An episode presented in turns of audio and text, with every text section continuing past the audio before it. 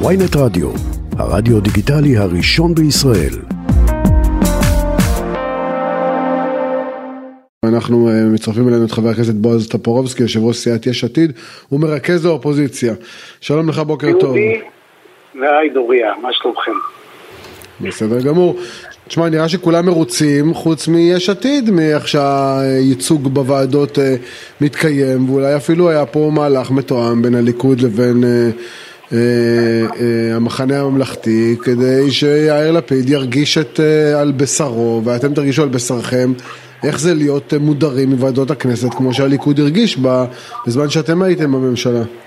בדיוק עכשיו יש את, אה, ועדה, את הוועדה המסדרת על חלוקת הוועדות ואני עוד פעם, חשוב שאנחנו נבדיל, כי אנחנו עכשיו מדברים עם האזרחים בין הנושאים המהותיים לבין uh, חלוקת תפקידים וכאלה ואחרים. בחלוקת תפקידים זה בסדר שאנחנו לא מסכימים, זה מהות של המקום הזה, של, הפול, של הפוליטיקה ושל הבניין. בסופו של דבר אנחנו מקבלים uh, תוצאה טובה, ואם יש uh, שאלות לגבי שיתוף פעולה בין הליכוד לגנץ או בין הליכוד לטיבי, שגם איתם יש שיתוף פעולה, זה כדאי שתשאל אותם. אבל חלוקת ועדות היא כבר אוטוטו מאחורינו, אני לא דואג. בנושאים המהותיים של הממשלה הנוראית הזאת, של, של אה, חבורת רגע, רגע, רגע, חבר הכנסת טופורובסקי, למה אתה לא דואג? אין לכם ייצוג. אתם, יש עתיד, חשבתם שאתם תנהלו עבור, אה, עבור כל האופוזיציה את חלוקת הוועדות. שאר האופוזיציה אמרו לכם, אה, ממש לא. זכו בכל האיושים השווים וה, והחשובים, ואתם נשארתם בלי כלום, אז אולי אתם פשוט טירונים פוליטית? מה, מה ההסבר לזה? דוריה, אם, אם את אומרת לי שאולי אנחנו תראו, אז בואי נשאל אותך איפה לא קיבלנו ייצוג טוב. אתם לא מאוכזבים? אתם לא מאוכזבים? לא, מה זה לא מאוכזבים? אנחנו הסברנו את הכל.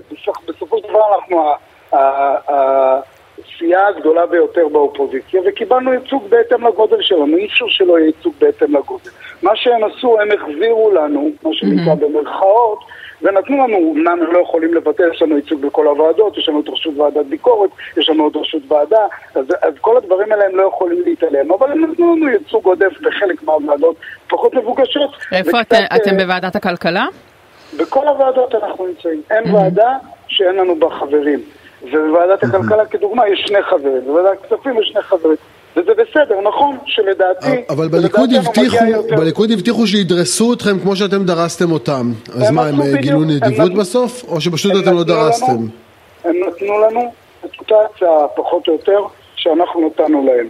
אנחנו באנו ואמרנו להם, חבר'ה, אנחנו מבינים מה שאתם עושים. אנחנו לא לוקחים בזה חלק. אנחנו כמובן נהיה בוועדות, אנחנו לא כמוכם נחרים את הבניין והכל. אבל אנחנו, זה, בסופו של דבר הייעוץ המשפטי לא נתן להם לעשות הצעה שהיא ממש אה, אה, לא זה הכל הצעה, הצעה בסופו של דבר היא בסדר. אבל המשמעות היא ש, שאתם צריכים, לנ... איתם... אבל המשמעות כן. היא, בועז טופורובסקי, שאתם צריכים להתנהל מול רע"מ עכשיו ולחלק איתם לא, את הפירורים שנותרו. לא, זה גם מאחורינו, אתם. מעודכנים ללפני יומיים, מה שנקרא. תעדכן אותנו. גם לבד, כולנו סגרנו עכשיו, אה, אה, מקרים ברגעים אלה את הרכב הוועדות, אנחנו אמרנו, גם אנחנו, גם רע"מ, גם כל הסיעות, שאנחנו... אה, אה, יש שם דברים הוגנים יותר ויש שם דברים הוגנים פחות, אנחנו רוצים את זה מאחורינו, רוצים לעבוד בוועדות, רוצים לעבוד למען אזרחי אז הליכוד יצאו בסדר, אז הם לא נקמו בכם לפי מה שאתה אומר אם ככה, הם רק איימו, כן אבל הם לא נקמו. אז איך הם נקמו, אם אתם מרוצים מהוועדות? מה זה מרוצים? כי מה שאנחנו יצאנו לליכוד, הליכוד עשה מזה ספין, והם לא רצו לעבוד, והם כשהם היו באופוזיציה החרימו את הכל, אנחנו לא מוכנים. לא, לא אני שואלת אבל על עכשיו, עכשיו הם הרי אמרו לכם מה שעשיתם לנו, אנחנו נעשה לכם. אז אם אתה אומר, הם לא עשו לנו, אז, אז הם לא עשו, לא? הם עשו בדיוק מה שעשינו להם. הם סיפרו שמה שעשינו להם זה דריסה כזאת קיצונית והכול, אבל בסופו של דבר גם בג"ץ אישר את זה, אז הם הביאו לנו. אז אכן יש כאן דריסה מסוימת, היא לא קיצונית, וזה גם לא מעניין. זה לא מעניין את האזרחים, מה שמעניין זה הנושאים המהותיים, זה לשמור על הביטחון, זה לטפל באזרחים, לטפל ביוקר המחיה, בזה אנחנו נכנסים בכל הכוח לכל הוועדות, וגם האופוזיציה בנושאים המהותיים, בזה שהורסים לנו את מדינת ישראל ומשנים את האופי שלה, אנחנו מאוחדים. אז ההבדל הוא שאנחנו ביש עתיד תמיד המהות לנגד עינינו, אנחנו לא נמכור ערכים שלנו בשביל עוד תפקיד או בשביל עוד מקום בוועדה. אז בוא נדבר מהותית. ואנחנו נמשיך ונלחם למען אז בוא נדבר מהותית, חבר הכנסת טופורובסקי. מה אתה למשל חושב, נושא שדיברנו עליו ממש אה, רגע לפני השיחה איתך, אה, על היוזמה של פקידי האוצר. להעלות בעצם את, אה, את המס על כל המוצרים הלא בריאים, וככה גם על הדרך, גם את מס הסוכר, אני, ולא אני לא לבטל לא אותו. אני לא מקבל את הטריקים ואת, ה, ואת הניסיונות האלה כל הזמן לראות איך אנחנו נשיג עוד כסף ממיסים, זה מבטלים, אז בואו נקרא לזה בשם אחר. מה שאני מצפה מהממשלה הנכנסת זה לקבוע תוכנית כלכלית, כמו שאנחנו לא, עשינו. נראה לי שבמקרה שברור... הזה אבל המטרה היא לא להשיג עוד כסף, המטרה היא שלא, שהמס הזה יעמוד על אפס, כי אנשים לא יצרכו אה, משקאות מסוכרים, זאת המטרה, זה לא, זה לא מס שנועד להעשיר את קופת המדינה במקרה הזה, זה מס שנועד כדי שאנשים לא ייפלו לנטל על הקופה הציבורית בגלל בעיות בריאות כאלה ואחרות, קטיעות גפיים וסוכרת והשמנה. נכון, זה בהחלט חלק מההסבר, אבל האוצר תמיד... דואג לטפל בנושאים כביכול שהם לא כלכליים על ידי זה שהוא משית עלויות כלכליות על האזרחים אם הם רוצים להשתמש בהם. אז זה הדרך הכי קלה של האוצר, אבל אם את תבואי לאוצר ותגידי לו, או, בוא נטפל בהסברה ובסבסוד מוצרים בריאים, ובמקום זה, אז האוצר אבל למה לא לבוא לליברמן ולהגיד לו, בוא נטפל בהסברה ולא להטיל מס על אוכלוסיות מאוד ספציפיות? ליברמן הוא לא שר האוצר. כן, אבל למה לא בשעתו אמרתם לו, עזוב אותך מהמס על הסוכר, זה יוצא אכזרי, זה יוצא פטרוני, בוא נטפל בהסברה. אז כאילו לא היה צריך לטפל בהסברה? לא נכון, אני חושב... אני חושב שגם צריך לטפל בהסברה וגם יש מקום למס נושאים, מס מוגבר על דברים שפוגעים בציבור ומהווים נטל על, המערכת הציבורית. עם זאת, שאלת אותי מה אני חושב על עמדת האוצר לבטל את זה וזה, זה הרי טריקים של האוצר שאנחנו מכירים, שהאוצר בא ואומר אני חייב להראות בתקציב עוד הכנסות של 300-400 מיליון שקל, כאן הם אמרו אז בשם הבריאות נמצא איזה מס אחר. עוד פעם, פקידי האוצר חשוב להם הבריאות, אבל אף פעם זה לא, לא יבוא אם זה עולה כסף.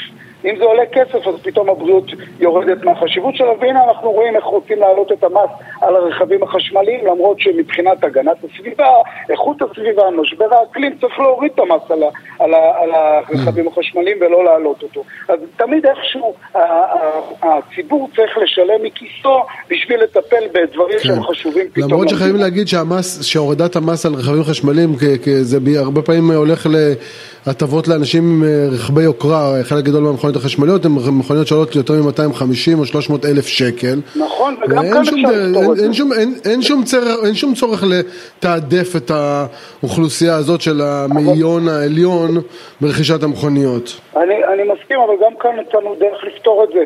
ודרך אגב, גם כשהיינו בקואליציה היה לי ריב מאוד גדול עם uh, משרד, ה, משרד האוצר הזה.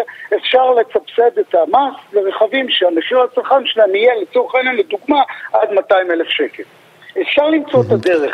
אפשר למצוא את, אוקיי, בוא, הדרך. נדבר רגע על האופוזיציה, לא על האופוזיציה, בוא נדבר רגע על האופוזיציה אה, הבעייתית, שיש בה גם אופוזיציה של המפלגות הערביות שבעצמן הן מסוכסכות, יש את אה, אתכם ואת גן שלא בדיוק אה, החוקים.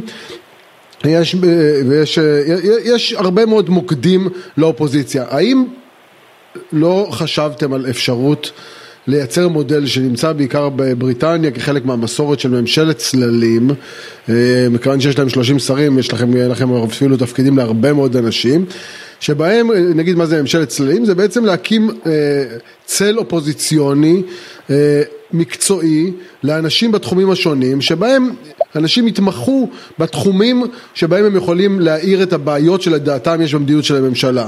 למשל, אה, תחום התחבורה, תחום הביטחון, תחום הבריאות, תחום הפנים, ואז האופוזיציה לא תישמע כמו שהיא בדרך כלל נשמעת, כמו מקהלה של אוי אוי הם לוקחים את המדינה לפח או לתהום וכולם אומרים טוב טוב ככה זו אופוזיציה. טוב, העלית כמה דברים כאן. קודם כל ממשלת שרים אנחנו עובדים ביש עתיד באופן קבוע, כל אחד יש לו את התחומי אה, אה, התמחות שלו והוא מטפל. אני למשל, התחום האחריות שלי והטיפול זה תחבורה והבטיחות בדרכים אה, ואני מטפל, לכן היה לי יותר, יותר פירוט לענות לכם על הנושא של המס של רכבים חשמליים. לגבי האופוזיציה, אנחנו לא אופוזיציה הומוגנית. יש הבדל גם בין רע"מ לבין חד"ש-תע"ל, יש הבדל בינינו לבין העבודה, יש הבדל אפילו בין חלקים, ב, ב, ב, בטח במחנה הממלכתי לבינינו, וזה בסדר. ויש, וזה בסדר שגם יהיו נושאים שבהם אנחנו לא נהיה, לא נהיה באותה החלטה, כי אין מה לעשות, דברים ש, שאני מאמין בהם, לא תמיד טיבי יגיד שגם הוא מאמין בהם, וזה בסדר גמור וזה ככה צריך להיות, אבל בנושאים של הדמוקרטיה הישראלית, בנושאים של זכויות הפרט, בנושאים של אה, אה, שמירה על זכויות המיעוטים במדינת ישראל ועל האופייה של מדינת ישראל. אני מאמין שהאופוזיציה תעבוד, ככה גם אנחנו עד עכשיו עושים, במשותף ולמען, ולמען אזרחי ישראל. בסופו של דבר אנחנו נגיע יום אחד לבחירות, בין אם זה יהיה עוד שנה, שנתיים, שלוש. והאזרחים יראו מי באופוזיציה עבד למענם ומי באופוזיציה לא עבד למענם, אלא, לא יודע, עשה כל מיני משחקים פוליטיים על חשבון האזרחים. אנחנו לא שם, אנחנו מוכנים לשלם מחירים אישיים בשביל, בשביל להציל, ממש להציל את אזרחי מדינת ישראל, כי אנחנו רואים, אני אמרתי את זה בהתחלה והפסקתם אותי, נתניהו בחולשתו פשוט מוכר את כל ערכי מדינת ישראל, גם את הערכים שהוא מאמין בהם, לאותם קיצוניים שהם בעצם שולטים, ומילא פיהם וליבם היו אותו דבר. נו, אז בואו תתכבדו ותצילו את נתניהו ואת עם ישראל מהקיצוניים ותציעו לו שיתוף פעולה ותמיכה. לא, קודם, קודם, כל, קודם כל אנחנו לא רוצים אה, לשתף פעולה מי שיש נגדו שלושה כתבי אישום שאחד מהם הוא הפרת אמונים של מדינת ישראל, זה לא הגיוני שאנחנו אה, נקבל אותו כראש ממשלה כשהמדינה אומרת לא, שהפרת החוק אמונים נגדה. מקבל אותו כראש ממשלה, אז אתה לא מקבל אותו כראש ממשלה? אנחנו אוקיי. לא חייבים, הוא ראש ממשלה, אף אחד, אני לא, שלא כמוהם שהמשיכו לקרוא לו ראש ממשלה גם כשהוא היה ראש ראש האופוזיציה, אני, אני מקבל, החוק, החוק אמר את שלו, הבחירות אמרו את שלו, הרוב בכנסת אמר את שלו, אבל אנחנו לא כן. חייבים לשתף איתו פעולה. הדבר השני זה שהוא לא רוצה.